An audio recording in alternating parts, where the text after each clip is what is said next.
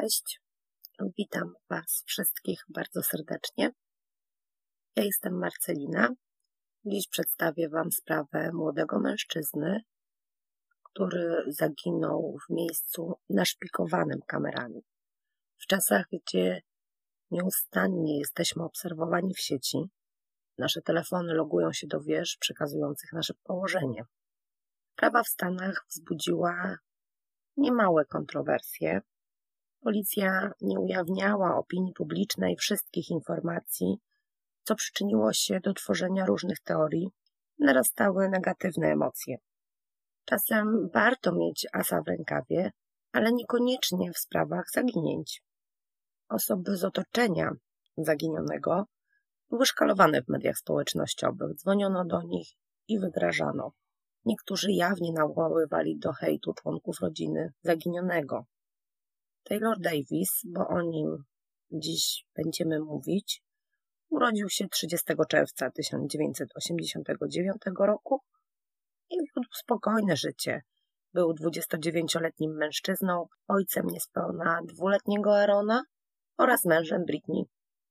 Małżeństwo mieszkało w Wilmington w Ohio. Taylor i Britney poznali się w 2013 roku Oboje pracowali w fast foodzie i z racji tego, że Taylor był przełożonym Britney, ich relacje początkowo były czysto koleżeńskie, przyjacielskie.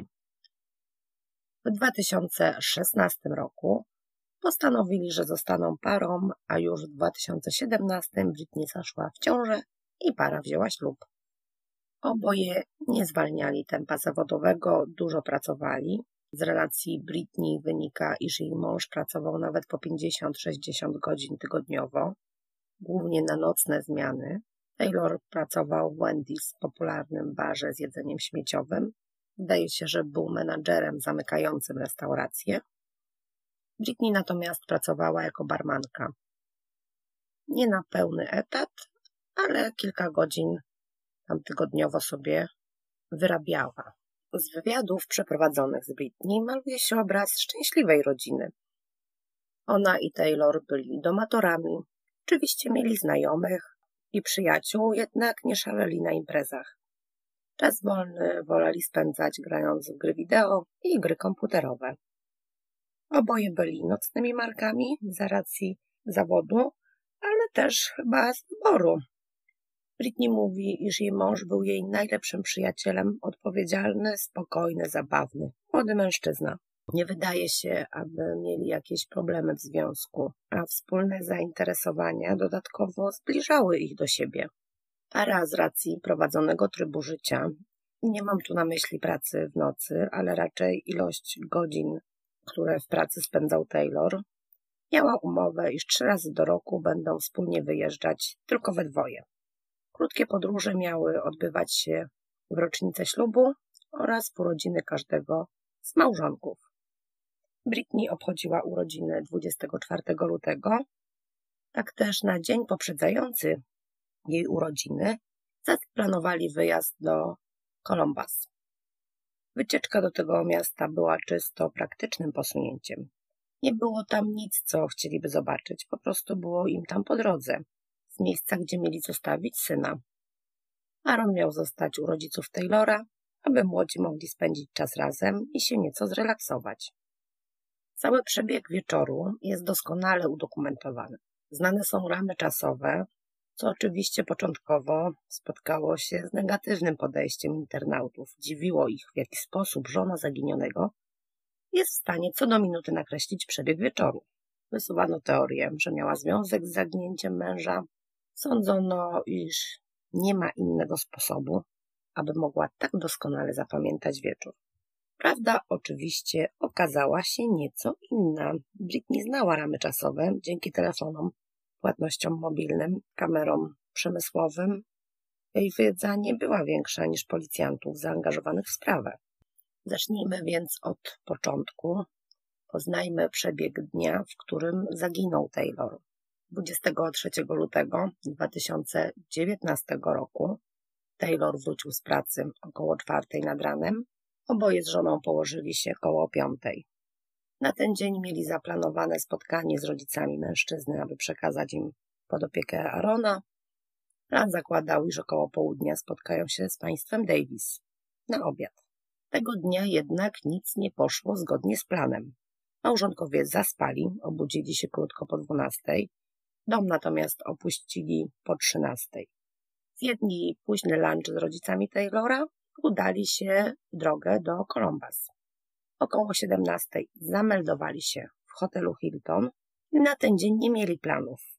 Na kolejny zresztą również. Jedyne co zaplanowali to masaż relaksacyjny dla par na następny dzień.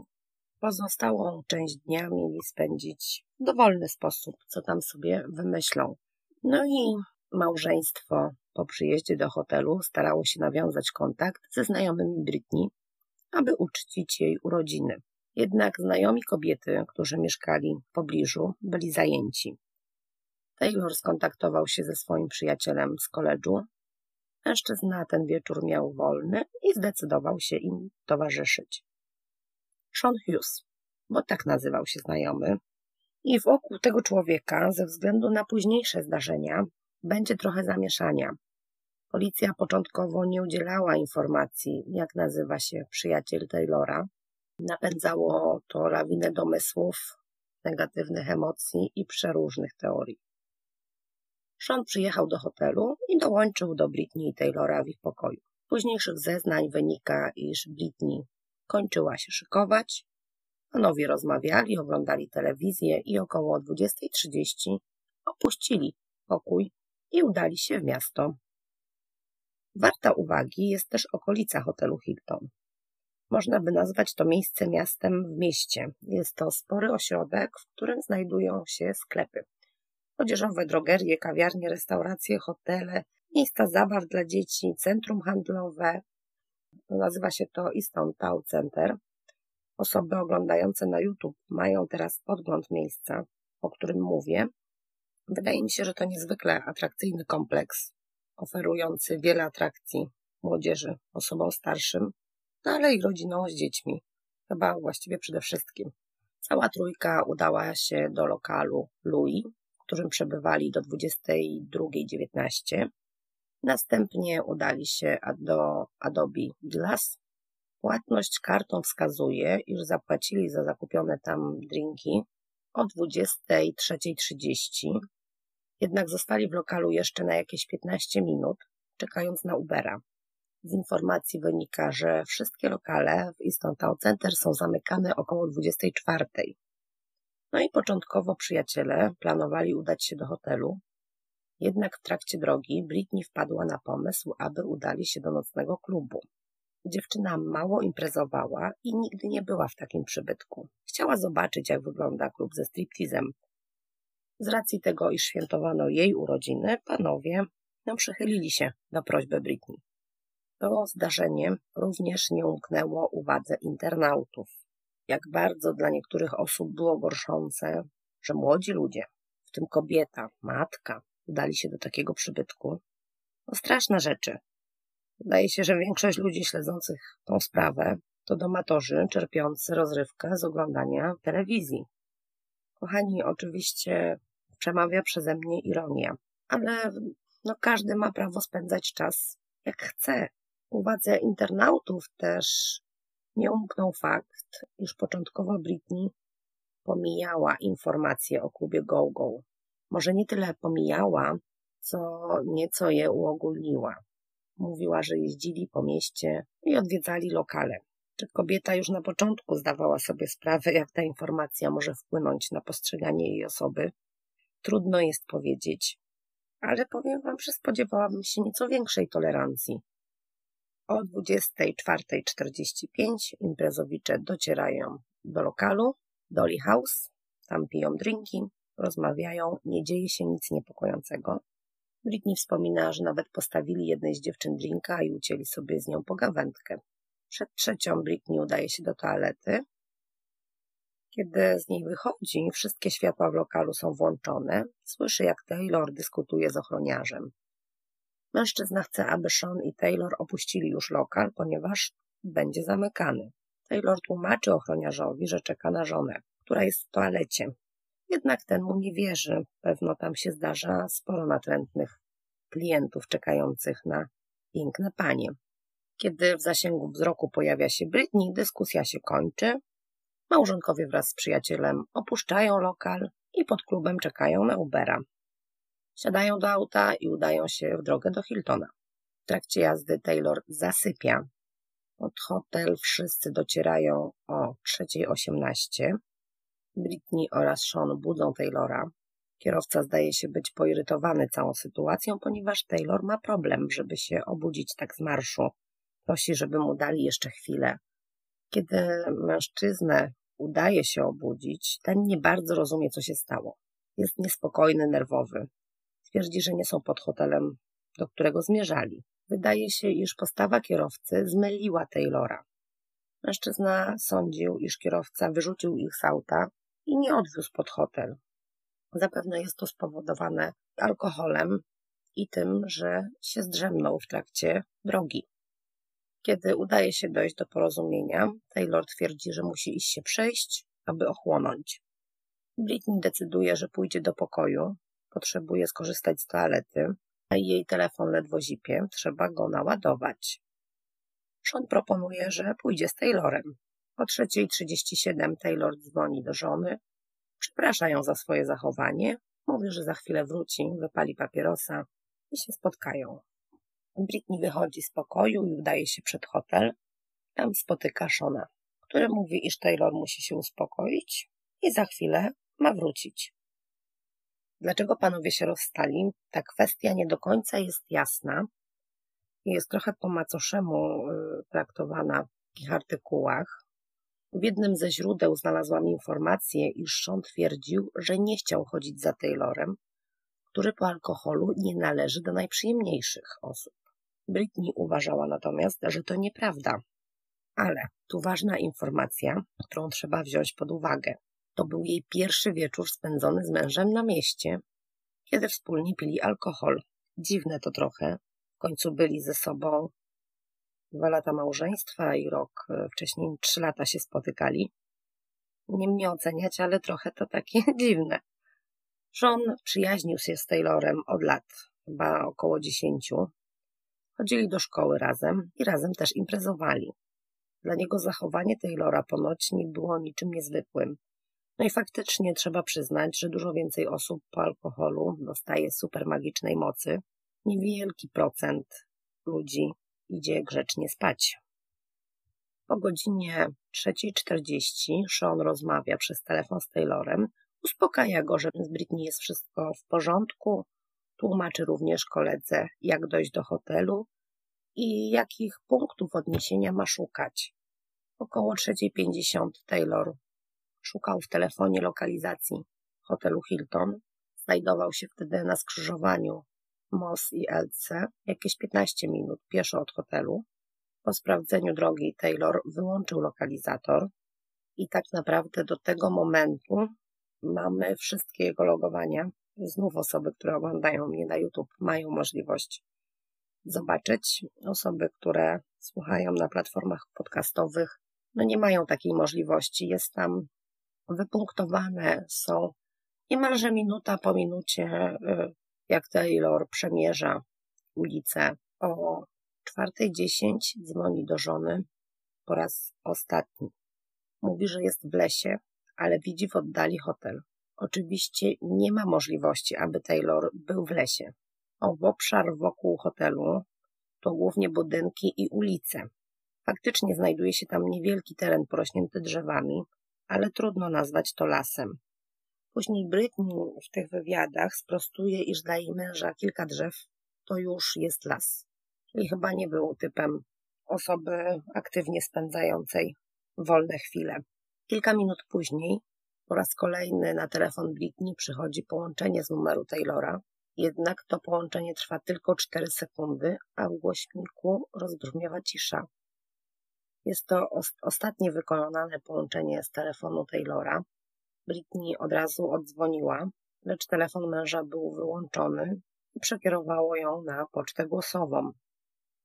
Sean i Britney chodzą w pobliżu hotelu jeszcze przez krótką chwilę. Około 4.30 Sean decyduje, iż czas wracać do domu. Mężczyzna nie mieszka daleko, jak informują źródła. ma do pokonania jakieś 10 minut drogi. Oczywiście nie podejrzewa nic złego, jest przekonany, iż zachowanie Taylora jest spowodowane alkoholem i przemęczeniem. Dlaczego Sean postanowił wrócić do domu? Nie wiem, może też już był zmęczony, wypity, nie do końca trzeźwo myślał. No zdaje się, że nie martwił się o kolegę, że może stać mu się coś złego. Zresztą chyba większość z nas od razu nie, nie pomyślałaby w ten sposób. Britney wraca do pokoju hotelowego, targana złymi przeczuciami i niepokojem o męża. Kontaktuje się z przyjaciółmi. Kobieta nie bardzo wie, jak się zachować w tej sytuacji. Oczywiście znajomi ją uspokajają. Nie widzi nic niezwykłego w przebiegu wieczoru. W trakcie rozmowy z koleżanką Britney obchodzi jeszcze raz okolice. Około ósmej rano kobieta kontaktuje się ze znajomym, który mieszka w pobliżu. Opowiada mu relacje z poprzedniego wieczoru. No i nie musi długo czekać na przyjazd kolegi. On ma na imię Adam i kiedyś byli współlokatorami. Zjawia się w hotelu po kilkunastu minutach i razem z Britney przemierza uliczki, rozglądając się za Taylorem. Początkowo również nie martwi się jakoś zbytnio, uważają, że może Taylor gdzieś przysnął na ławce, nie mogąc znaleźć drogi do hotelu. Britney, kiedy nie mogą go znaleźć, obdzwania szpitale, więzienia, jednak Taylora w żadnym z tych miejsc nie ma. Między dziesiątą a jedenastą kobieta decyduje się na powiadomienie teściów o zaistniałej sytuacji. Ojciec Taylora z marszu wsiada do auta i przyjeżdża do Easton, gdzie przemierza ulicę w poszukiwaniu syna. Koło 11 zostaje powiadomiona policja, jednak funkcjonariusze niewiele mogą zrobić. Przecież nie minęło 72 godziny, a Taylor jest dużym chłopcem i mógł samodzielnie, nie informując nikogo, oddalić się. 24 lutego późnym popołudniem zostają powiadomieni ochroniarze Easton oraz pracownicy Hiltona. Zjawiają się również znajomi pary, aby pomóc w poszukiwaniach. Przeglądają monitoring hotelu, drukują plakaty, rozpytują ludzi. 26 lutego jest to wtorek, ruszają szersze poszukiwania. Zostają sprowadzone psy tropiące, nurkowie przeczesują stawy, mokradła. Taylor jest poszukiwany również z powietrza. Wolontariusze i służby mundurowe przeczesują okolice. Psy powiodły śledczych w okolice stawu, jednak nie udaje się tam znaleźć ani Taylora, ani żadnych przedmiotów należących do niego. On miał przy sobie, co prawda, telefon komórkowy, obrączkę, dowód, karty jakieś płatnicze, ale ani jego odzieży, ani żadnej z tych rzeczy w toku śledztwa nie udało się znaleźć. Około miesiąc po zaginięciu Taylora powstała grupa na Facebooku założona przez Britney. Miała ona na celu gromadzić osoby zainteresowane sprawą, rozpowszechniać informacje o mężczyźnie. Z biegiem czasu osób zainteresowanych przybywało. Pojawiały się tam posty z teoriami i różnymi informacjami o życiu prywatnym rodziny. Kiedy Britney i inne osoby z rodziny zaczęły moderować posty, zarzucono im ukrywanie prawdy. Do tego doszły zarzuty o chęć kierowania przebiegiem zdarzeń, manipulacja faktami. W dalszym ciągu przewijał się tajemniczy kolega, którego dane wciąż nie były podawane do opinii publicznej. Trzeba przyznać, że nie tylko internauci byli nie w porządku co do rodziny Taylora. Zdarzało się, iż słowa Britney były publikowane przez media w okrojony sposób, wyrwane z kontekstu. Britney robiła wszystko, aby sprawa Taylora była powszechnie znana. Kontaktowała się z mediami, udzielała wywiadów, współpracowała z grupami i stronami na Facebooku zajmującymi się poszukiwaniem osób zaginionych. Angażowała się w wiele projektów związanych właśnie z osobami zaginionymi. W kwietniu 2019 roku rozmawiała z chłopakami prowadzącymi podcast True Crime Garage. To właśnie tam przedstawiła szczegółową oś czasu, spotkało się z negatywnym odbiorem. Dla części osób było nie do pojęcia, że mogła tak szczegółowo opowiedzieć o tym feralnym wieczorze.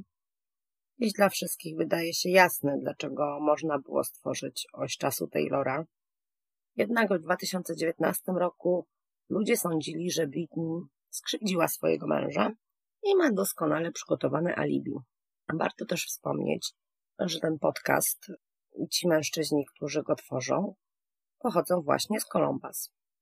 W trakcie audycji przez przypadek padło imię przyjaciela Taylora, co zdaje się podsyciło zapał internetowych detektywów, aby znaleźć mężczyznę i ujawnić jego dane.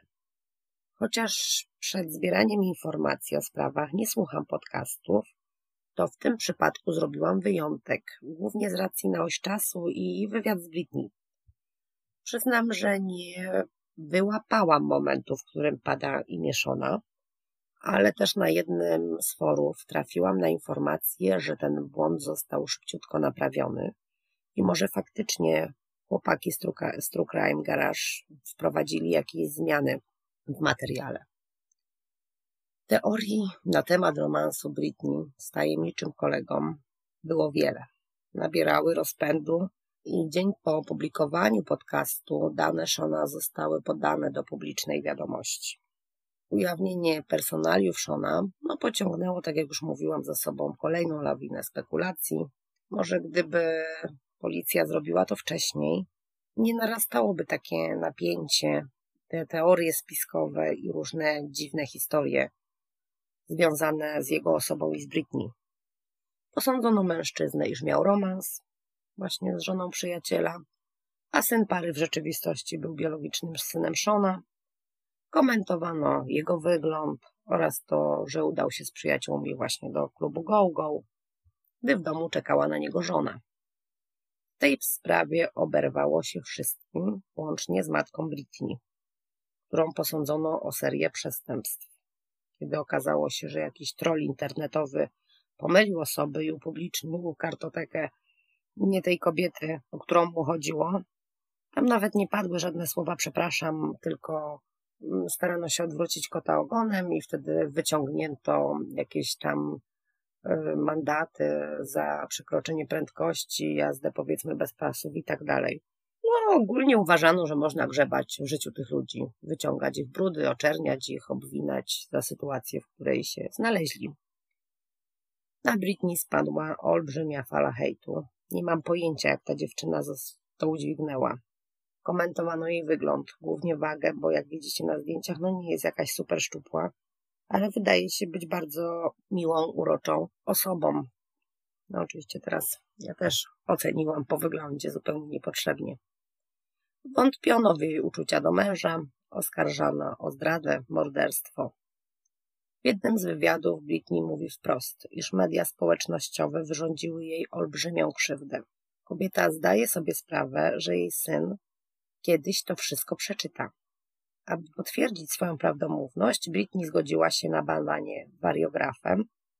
Jej wynik okazał się być pozytywny, Szonowi również zaproponowano takie badanie, mężczyzna jednak nie zgodził się na test, do czego miał oczywiście pełne prawo i jak już wszyscy chyba wiemy, nie zawsze te testy dają prawidłowy wynik. Chyba jeszcze nigdy nie spotkałam się ze sprawą, sprawą zaginionej osoby, na której rodzinę wylano by tyle hejtu i która by wzbudziła we mnie tyle mm, złych emocji na postronne osoby, bo powiem Wam, że w pewnym momencie to byłam zła, jak można y, robić takie rzeczy. Wrzucę Wam tu może parę screenów takich z komentarzy, tylko no, nic takiego nie będę upubliczniała, broń Boże, hamskiego bardzo. No ale tam wszyscy gdzieś chcieli, mam wrażenie, wbić swoją szpileczkę, szukali dziury w całym. Sprawa Taylora pozostaje nierozwiązana do dziś. Nigdy nie udało się odnaleźć jego rzeczy, ani odzieży. No Taylor rozpłynął się po prostu w powietrzu. Na obszarze, gdzie jest mnóstwo kamer. Warto też wspomnieć, że mężczyzna miał dość specyficzne znamie, bardzo charakterystyczne i przyciągające uwagę. Jego skóra z prawej strony, od szyi, poprzez ramię aż do nadgarstka, miała mocno różowy kolor, Możecie zobaczyć to na zdjęciach. Taylor mierzył niespełna 1,80 m i ważył około 77 kg. Miał brązowe włosy i oczy. Policja nie ma podstaw, by twierdzić, że mężczyzna dobrowolnie opuścił swoich bliskich. Wszystko wskazuje na to, że szukał drogi powrotnej do hotelu, kontaktował się z żoną i zapewniał, że zaraz wróci. Przejdziemy teraz do teorii, co mogło wydarzyć się tego poranka. Jedną z wiodących jest ta, która mówi o tym, że Taylor utonął bądź y, się wychłodził po prostu i zmarł z przyczyn takich losowych, przypadkowych. I wydaje mnie osobiście, wydaje się ona najbardziej prawdopodobna. No jednak, gdzie jest jego ciało, gdzie są jakieś szczątki, przeszukiwano całe te wszystkie tereny w okolicy kilkukrotnie. Jeziora w cudzysłowie, bo nie wiem, czy to można nawet jeziorami nazwać, one były sprawdzane przez nurków i sonarem. Kolejna teoria sugeruje zabójstwo bądź potrącenie. I mówimy o tym, że ciało zostało zabrane z istą. Tylko czy faktycznie przypadkowy morderca, czy też pirat drogowy, zadałby sobie tyle trudu, by ukryć zwłoki? Może spotkał kogoś po drodze, ktoś zaoferował podwózkę, bo tak też może być. Jedna z grup na Facebooku łączyła to zaginięcie z morderstwami Smileface. Opowiem Wam pokrótce o co chodzi z tymi morderstwami uśmiechniętej buźki. A jeśli ktoś chce uzyskać więcej informacji o tej teorii, to odsyłam do Jaśmin ze Stanowo. Ona ma tam troszkę dłuższy materiał. Na przestrzeni lat ginęli młodzi, atrakcyjni panowie. Do pierwszego morderstwa, które przypina się do tej teorii, doszło w 1997 roku. Ofiarą był 21-letni mężczyzna, którego ciało odnaleziono w rzece. Oczywiście uznano, iż był to wypadek i utonięcie. Tym bardziej, że chłopak był pod wpływem alkoholu.